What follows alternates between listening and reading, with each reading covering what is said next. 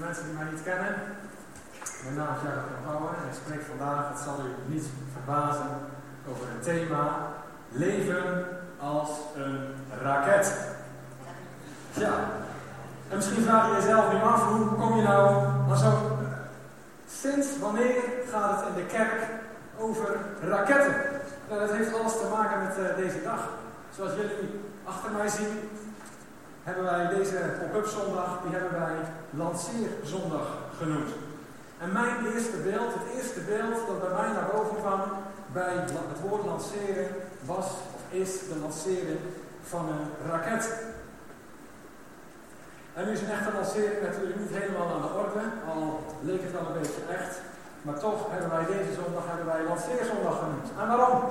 Ik heb het woordenboek er eens bijgepakt en de betekenis van lanceren heb ik opgezocht. En je vindt er natuurlijk ook iets over een raketlancering, maar je vindt er ook betekenissen als als je iets lanceert, dan kondig je iets aan. Als je iets lanceert, dan maak je iets bekend. Of dan maak je iets wereldkundig. En dat is precies wat wij in de aanloop naar vandaag hebben gedaan. We hebben wereldkundig gemaakt dat we vanaf vandaag iedere eerste zondag van de maand hier in het forum in Sittard aanwezig zullen zijn als pop-up church. En we willen graag dat iedereen dat weet, want iedereen is welkom in deze kerk. Wij willen graag gastvrije kerk zijn. En iemand die goed heeft opgelet, en dat hebben jullie natuurlijk allemaal gedaan, die weet dat we hier voor de zomervakantie ook al een paar keer zijn geweest. Maar dat was om ons voor te bereiden op deze dag. Op deze op lanceerzondag en op alle andere zondagen die nog gaan volgen. Weet een lancering zoals vandaag op Upchurch vraagt net als de lancering van een raket veel voorbereiding. En voordat ik dan ook verder ga met mijn boodschap, wil ik toch heel even van dit moment gebruik maken om alle mensen die ontzettend hard hebben gewerkt, om alles wat je hier ziet, uh, die hebben alles klaargezet. Daar ben ik ontzettend trots op en heel erg dankbaar. Er is zoveel hard gewerkt door heel veel teams. En ik denk met name aan het logistieke team. Die hebben gisteren hebben ze al de helpcenterbus volgeladen. Vanmorgen, voordag en dauw, ging de wekker, deden ze alle spullen naar hier. Stonden ze om half acht voor de deur. En hebben ze alles klaargezet, zodat wij vandaag hier op Church kunnen hebben. Ik ben ontzettend trots op deze mensen. En geef ze eens een applaus.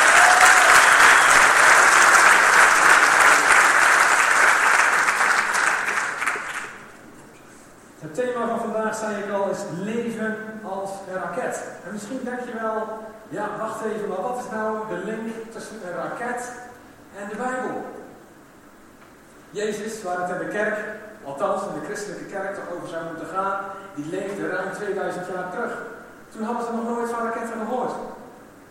En toch is er een link tussen die twee en ik ga jullie uitleggen hoe.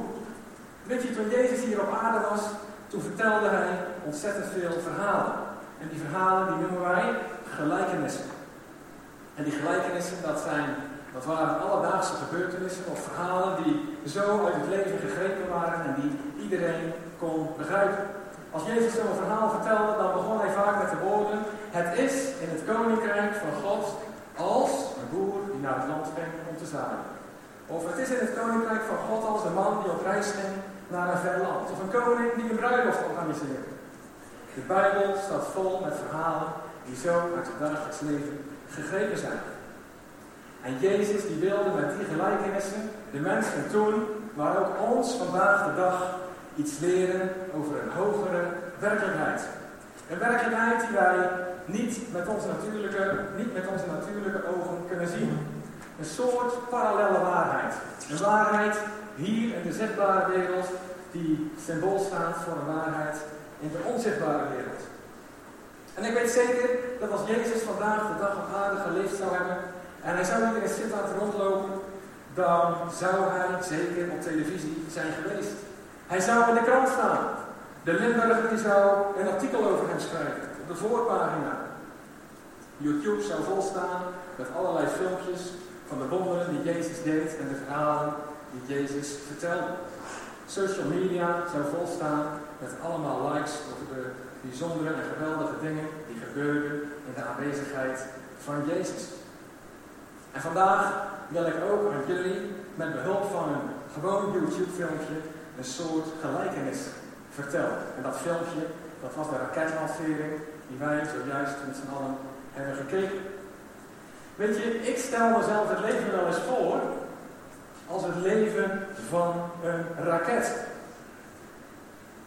En het leven van die raket, dat is dan een parallel met mijn levensloop. En ik ga jullie vertellen hoe dat werkt. De lancering van die raket, die staat dan voor het begin van mijn leven. Mijn geboorte, mijn komst hier op deze aarde. En al dat publiek dat stond te kijken naar die lancering, die staat dan symbool voor jouw ouders. Die staat symbool voor jouw familie, die vol verwachting uitkijken naar jouw geboorte en die toekijken en meehelpen om uiteindelijk jouw leven op koers te brengen. En de koers die die raket kiest, die staat symbool voor de koers van jouw leven. En dan komt daar, helemaal op het einde van het filmpje, komt dat moment dat die twee brandstoftanks de raket loslaten. En dat staat als symbool voor het einde van mijn leven hier op deze aarde. Ik laat mijn lichaam achter, maar mijn leven gaat gewoon verder buiten het zicht van de mensen. Het leven is nog niet klaar op het moment dat jij je lichaam achterlaat. Nou, dat is een mooie gedachte, vinden jullie niet? Ja. Dat was een hele snelle versie van de gelijkenis. En we gaan dat samen nog eens een keer heel langzaam opnieuw doen.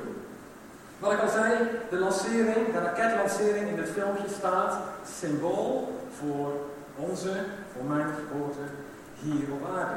En eerder, net zei ik al, dat de lancering die kost veel voorbereiding. En zo is dat ook bij een geboorte. Weet je, jouw welkomstcomité, jouw opa, jouw oma, jouw broers, jouw zussen, jouw vrienden, jouw kennissen, met je ouders voorop, die staan klaar om jou te ontvangen hier in deze wereld. En alles wordt in voorbereiding op jouw geboorte tot in detail voorbereid en uitgedacht. De geboorte heeft nog niet werkelijk plaatsgevonden, maar in het hoofd van mama al vele malen. En ze vraagt zich af, wat hebben we allemaal nodig? Inkopen worden gedaan, de wieg wordt klaargezet, eten wordt ingekocht, kruiken worden opgewarmd. Alles staat klaar. En dan, net als bij de lancering van de raket, worden de dagen naar onze geboorte, die worden afgeteld. Eerst in maanden, dan in weken, dan in dagen, dan in uren en uiteindelijk in minuten.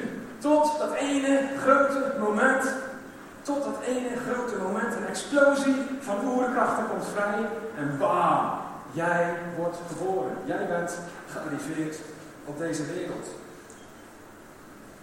Weet je, en als dat dan gebeurd is, je bent hier, dan wordt er nog weken nagepraat over ieder detail van jouw lancering, van jouw komst hier op deze aarde. Er wordt gepraat over het gewicht, er wordt gepraat over de lengte. Mijn baby was 50 centimeter. Oh ja, baby voor mij was 52 centimeter. Ik begrijp dat nooit helemaal. Het gaat over het type geboorte.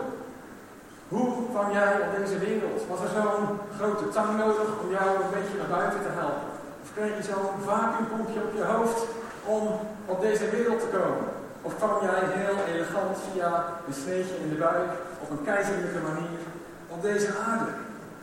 Iedere kleine correctie en aanpassing die nodig was om jouw geboorte, om jouw lancering goed te laten verlopen, die wordt geëvalueerd. Was je te vroeg, was je te laat, duurde te lang, ging het te snel of kwam je juist te langzaam? Alle details zijn vastgelegd op foto en op film. En het tijdstip van jouw geboorte wordt exact tot op de minuut vastgelegd op het gemeentehuis in het geboorteregister. En als je daar dan zo over nadenkt, je was er natuurlijk zelf wel bij, maar je weet het helaas vaak niet meer. Dan, als je daarover nadenkt, dan denk je, wat een geweldig en mooi en ook belangrijk moment is dat geweest. Jouw geboorte hier op deze aarde. Weet je, iedere geboorte, iedere lancering is het begin van het schrijven van een stukje unieke geschiedenis. De geboorte van een uniek mens. Een mooi mens. Een prachtmens. Zoals jou is er geen ander op deze wereld. En misschien denken jullie, Jacob Jan, mooi verhaal. Mooi verhaal, maar zo ging het niet bij mij. Dit verhaal, het gewoon te mooi om waar te zijn. Dit is een ideaalplaatje, maar de werkelijkheid is helaas vaak anders. Niet iedereen voelt zich altijd welkom. Niet iedereen wordt geliefd.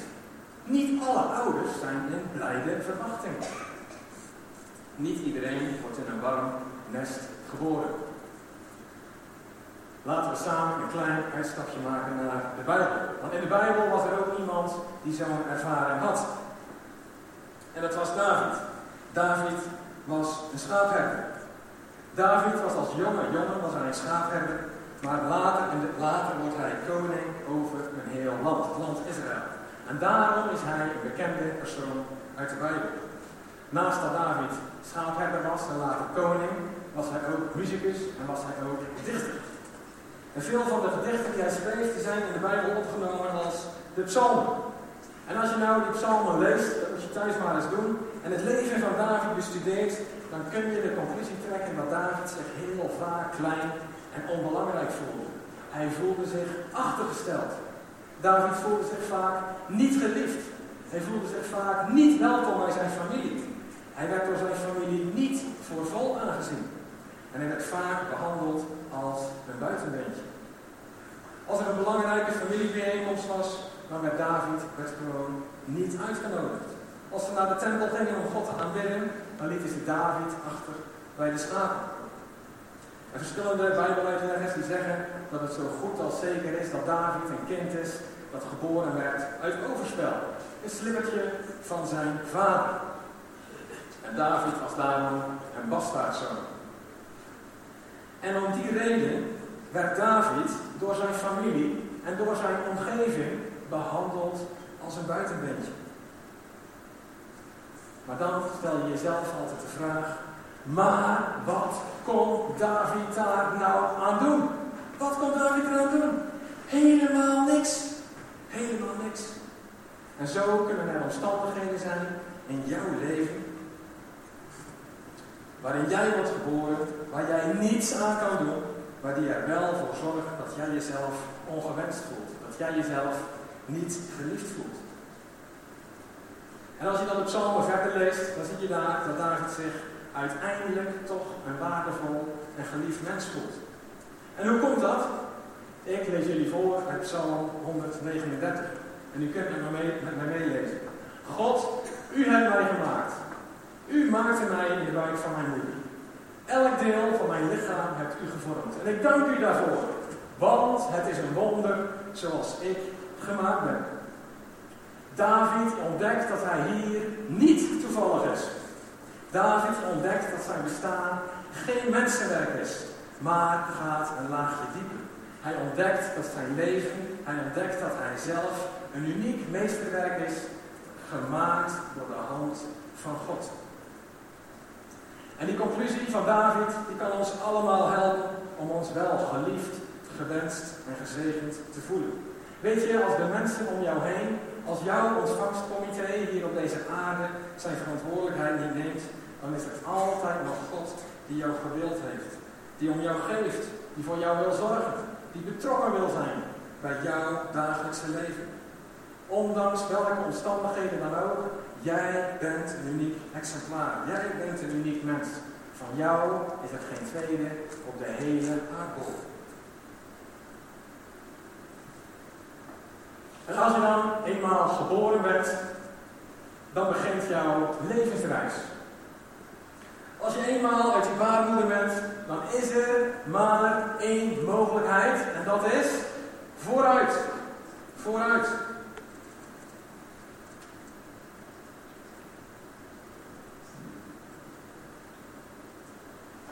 Weet je, zoals een raket die eenmaal is gelanceerd, niet meer terug kan in de richting. Zo kan een baby die eenmaal is geboren niet meer terug in de buik van zijn moeder. Er is maar één weg en dat is vooruit. En dat doet me denken aan nog een ander verhaal uit de Bijbel. Het verhaal van Nicodemus.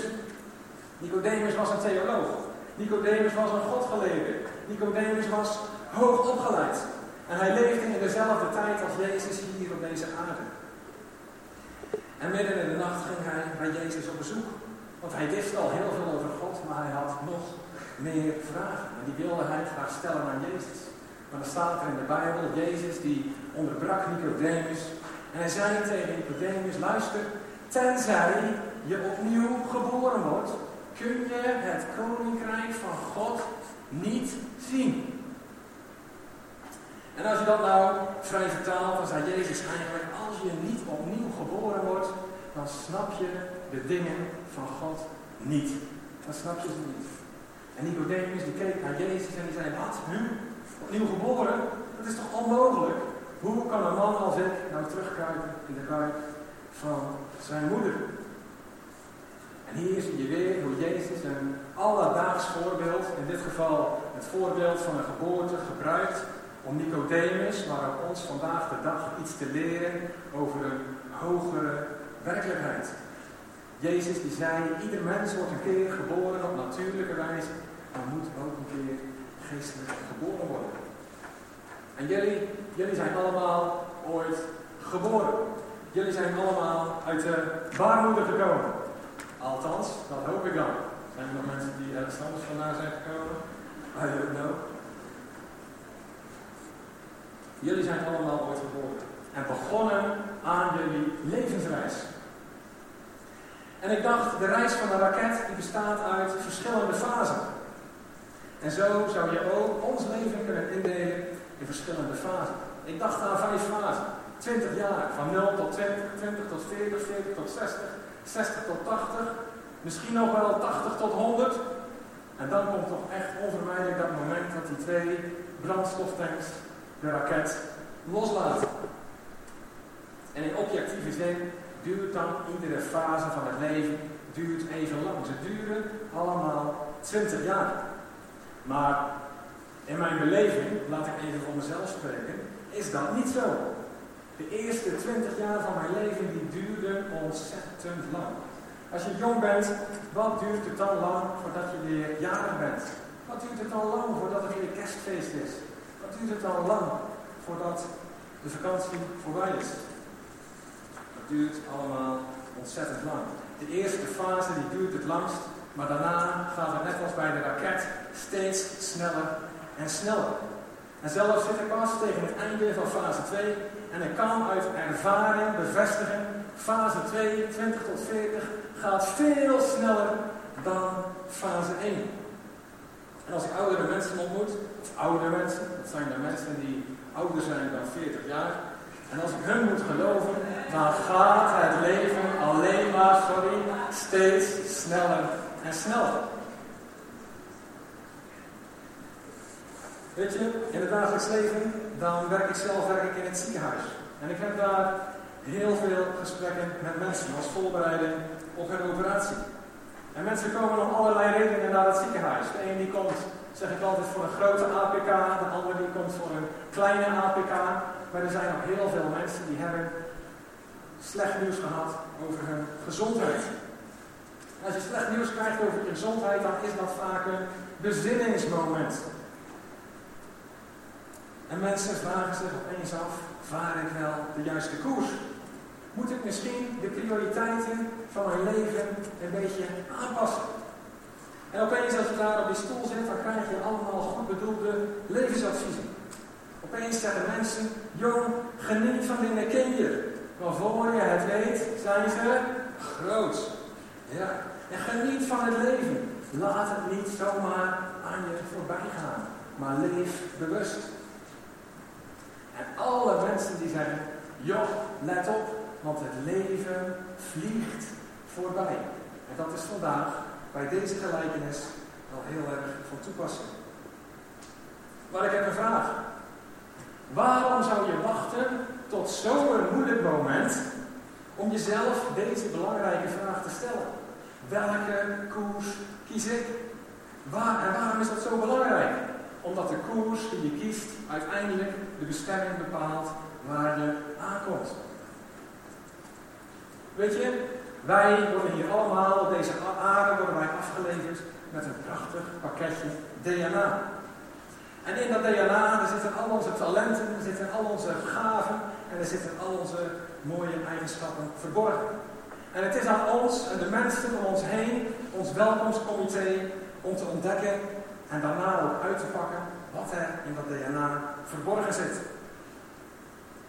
En het is aan ons om ervoor te zorgen dat ons leven, met alles wat daarin zit, dat dat tot bloei en dat dat tot ontplooiing komt. Jouw DNA bepaalt voor een belangrijk deel jouw bestemming op deze aarde. Jouw DNA bepaalt voor een belangrijk deel het vluchtplan voor jouw leven. En ik zeg heel bewust voor een belangrijk deel. Want er is in de gelijkenis van de raket een niet onbelangrijk detail wat je niet kan zien met het natuurlijke oog. Want vanaf het moment dat de raket gelanceerd werd en koers kiest, is de raket gedurende de hele reis op een onzichtbare manier verbonden met de thuisbasis, de plaats waar de reis begon. De raket wordt voortdurend op koers gehouden en bijgestuurd op basis van de informatie die wordt uitgewisseld tussen de raket en het thuisfront. En gebruik eens even je voorstellingsvermogen. Stel je nou eens voor wat er zou gebeuren als de communicatie tussen die raket en het thuisstation weg zou vallen. Wat zou er dan gebeuren? De communicatie is weg. Paniek! Paniek! In de raket roepen ze, Houston, we have a problem. We hebben hier een groot probleem. Maar er is niemand die het hoort. Er is niemand die het hoort. De verbinding is dood. En beneden in de verkeerstoren ook paniek. Ook paniek. We zijn de raket kwijt. We zijn de raket verloren. Ja, de raket is er nog wel steeds, maar de verbinding is weg. En het gevolg zal zijn dat de raket zonder de juiste informatie en zonder de juiste communicatie zal het ruimteschip verdwalen in de ruimte. Lost in space, verdwaald in de ruimte. En dat deed mij denken aan vorige maand, de situatie bij ons thuis. Mijn zoon, die was jarig in augustus, hij werd acht jaar en hij kreeg van ons een walkie-talkie cadeau. En als je door een walkie-talkie met elkaar wil praten, dan is het belangrijk dat allebei die walkie-talkies afgestemd zijn op dezelfde frequentie. En als dat niet zo is, dan lukt het niet om met elkaar te praten. En op de verpakking van die walkie-talkie stond dat die walkie-talkie zes frequenties had en dat er drie kilometer bereik was. Uh, zodat op drie kilometer afstand met elkaar zou kunnen praten. En je snapt, dat moest natuurlijk getest worden. En de test was, mijn zoon die gaf ook een feestje, had een uitnodiging gemaakt voor al zijn vrienden. En ik zeg, nou weet je wat je doet? Je, je gaat al die uitnodigingen, die neem je mee. Je neemt je walkie-talkie mee. Ik ga in de garage wat klusjes doen. Jij gaat fietsen door de wijk. En iedere keer als je bij je vriendje voor de deur staat, dan neem je even contact met mij op. Ja, ja, zegt mijn dochter, ik wil ook mee. Ik zeg, ja natuurlijk, ga jij ook maar mee. En zo vertrokken mijn zoon en mijn dochter allebei op de fiets onze leefwereld in. Onze woonwijk in. En ik zag ze wegfietsen en als je ouder bent, dan snap je dat. Dan denk je, oeh, ze zijn zo klein en gaat het allemaal wel goed. En hé, hey, uh, pas op met oversteken, riep ik nog. En dan vertrokken ze alle twee. En ik was in de schuur. En ja hoor, daar kwam het eerste berichtje. Hallo papa, we zijn nu bij Max K voor de deur. En uh, over. Hallo mijn papa. Ik hoor je luid en duidelijk. Over. Doe de uitnodiging maar in de brievenbus. Over. Nou, zo ging dat al heen en weer. En het volgende adresje van opa, we zijn nu bij Max V voor de deur. Ik zeg geweldig. En dat ging allemaal goed. Maar opeens dacht ik, stel je nou eens voor dat mijn zoon, die nog heel onervaren is met die walkie-talkie, in plaats van op de zendknop, op de frequentieknop drukt. Dan hebben wij een probleem. Dan hebben wij een probleem, want dan is de verbinding is weg. Dan is de connectie is weg. De lijn is dood. En ik zag het al helemaal voor me. In mijn voorstellingsvermogen ga je dan al veel verder. En ik ren naar binnen en ik zeg tegen Loes, Loes, hij is dood. En Loes zegt, wie is er dood? Ja, wie is er dood? De verbinding is dood. We zijn ze kwijt. Ja, wie zijn we nou kwijt? Ja, onze kinderen. We zijn ze kwijt. De verbinding is weg. En dan volgt een kort overleg tussen Loes en mij. En we komen tot de conclusie, er is maar één oplossing. Jij pakt de fiets, of ik pak de fiets. We gaan op zoek naar onze kinderen die we kwijt zijn. En als je ze gevonden hebt, dan vertel je hen hoe je dat frequentieprobleem op kan lossen. Hoe je dat oplost. En iets vergelijkbaars is er gebeurd tussen God en de mens. Althans, dat lees ik in mijn Bijbel. We kennen allemaal wel het verhaal uit het paradijs, uit de Bijbel. En als je dat niet kent, dan moet je zorgen dat je een Bijbel krijgt, de eerste drie hoofdstukken leest en dan lees je het verhaal van het paradijs. En in het paradijs, daar stonden twee bomen. Dat weten we allemaal. En die ene boom, dat was de boom van het leven. En die andere boom, dat was de boom van kennis van goed en kwaad. Maar God, die ontzettend veel van de mens houdt, die geeft een advies. En hij zegt van die ene boom, die boom van kennis van goed en kwaad, daar moet je niet van eten, want dan ga je dood.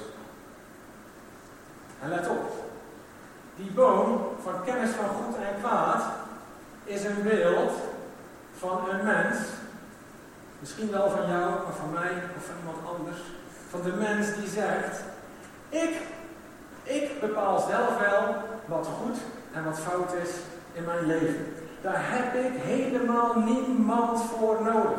Dat bepaal ik zelf wel. En die vrijheid om die keuze te maken, die hebben wij allemaal. Weet je, de mens die eet van die boom is een mens die bewust kiest voor een andere frequentie die op de frequentieknop drukt en zegt ik ga op een andere frequentie zitten. En het gevolg van die keuze van de mens is dat de, van Adam en Eva in dit geval, is dat de connectie met de boom des levens, met de boom des levens, en dat is God zelf, God is de bron van alle leven, door de keus van die mens valt de connectie, de connectie met God, gaat dood. En wij hebben net geleerd dat als je op een verschillende frequentie zit, als jij kiest voor een andere frequentie, dan praat je langs elkaar heen. En weet je, God die spreekt vandaag de dag nog steeds tot ons, tot ons allemaal. God die spreekt tot ons door de Bijbel. God die spreekt tot ons door de Heilige Geest. God die spreekt tot ons door andere mensen. God die spreekt tot ons door de schoonheid van de schepping. God die spreekt tot ons door dromen en visioenen. Maar wij horen het vaak niet, wij ontvangen het vaak niet, omdat we hebben gekozen voor een andere frequentie. Dat gebeurde tussen God en de mens. En toen was er ook de vraag in de hemel. Er werd een vraag gesteld in de hemel. Hoe lossen we dit op? Hoe communiceren we nu met de mens als de verbinding dood is? En ze kwamen tot één, één oplossing. Er is maar één oplossing. Er is maar één oplossing. En dat is er naartoe gaan en het probleem ter plekke oplossen. En ik stel me zo voor dat er een gesprek was in de hemel en dat God zei, wie wil er naar de aarde gaan? En Jezus zei, ik zal gaan. Ik zal gaan. Jezus die kwam naar deze aarde om ons te laten zien wie God de Vader is. Jezus die kwam naar deze aarde om de connectie tussen God en de mens te herstellen. Zoals een raket is bedoeld om in samenwerking met het basisstation bestuurd te worden, zo zijn wij bedoeld om ons leven te besturen samen in samenwerking met God. Jezus was hier op de aarde om ons te vertellen wat de weg terug is naar de Vader. En dat is uiteindelijk een kwestie van jouw interne walkie Dat is jouw hart af te stemmen op de juiste frequentie. Wij hebben als mens de vrijheid gekregen om de frequentie en daarmee ook de verantwoordelijkheid gekregen om de frequentie te kiezen die wij willen. Die vrijheid is er. En de Bijbel die leert ons dat de juiste frequentie om met God te spreken, dat dat Jezus is. Want Jezus die zei, als je iets aan God wil vragen, Doe dat dan in mijn naam en dan zal Hij het horen en het je ook geven. En dat is de uitdaging die ik jullie vandaag allemaal wil meegeven. Is het misschien tijd vandaag in jouw leven voor een koerswijziging? Is het misschien tijd voor jou om te zeggen, Vader, Vader, vanaf vandaag wil ik mijn leven gaan besturen, niet alleen, maar samen met u. En als je dat wil, dan is de eerste stap, de eerste stap, is het herstellen van de connectie. Het herstellen van de verbinding. Weten jullie nog dat ik het net had over Nicodemus? Nicodemus. En Jezus zei tegen hem, Nicodemus, je moet opnieuw geboren worden. Want anders begrijp je de dingen van God niet. Jezus zei eigenlijk tegen Nicodemus, Nicodemus, jij zit nog op een andere frequentie. En je kunt vragen blijven stellen totdat je het ons weet. Maar dat zal jou niet verder gaan helpen. Weet je, vragen zullen wij altijd blijven. Niet alle antwoorden hebben wij paraat. Maar het gaat om de relatie met God. En het gaat niet om een hoofdconnectie, maar het gaat om een hartsconnectie. Jouw interne logitel. Stem jij je hart af op God. Weet je, een mens wordt geestelijk geboren op het moment dat hij of zij voor de eerste keer ingaat op die uitnodiging om de verbinding te herstellen. Die draadloze verbinding te herstellen. En als je daarvoor kiest, als die connectie er weer komt, dan zegt de Bijbel, dan komen stromen van levend water komen jouw leven binnen. Stromen van nieuwe informatie komen dan jouw leven binnen. En die nieuwe informatie, dat levende water, dat verandert jouw leven. In positieve zin. Dat verandert jouw leven. Jouw gedachten worden vernieuwd. Jouw gedachten worden vernieuwd en je staat anders in het leven. Je staat anders in relaties. Je staat anders in hoe je naar school gaat. Je bent anders op de sportclub. Je karakter is wat beter te hanteren als je het doet samen met God. En vandaag, vandaag is de kans om dat te doen. En je zult denken, ja waarom vandaag? Morgen kan het, morgen kan het toch ook? Dat is waar, maar waarom zou je het niet vandaag doen? Wij zijn bedoeld om ons leven te leven samen met God. En laten we allemaal gaan staan.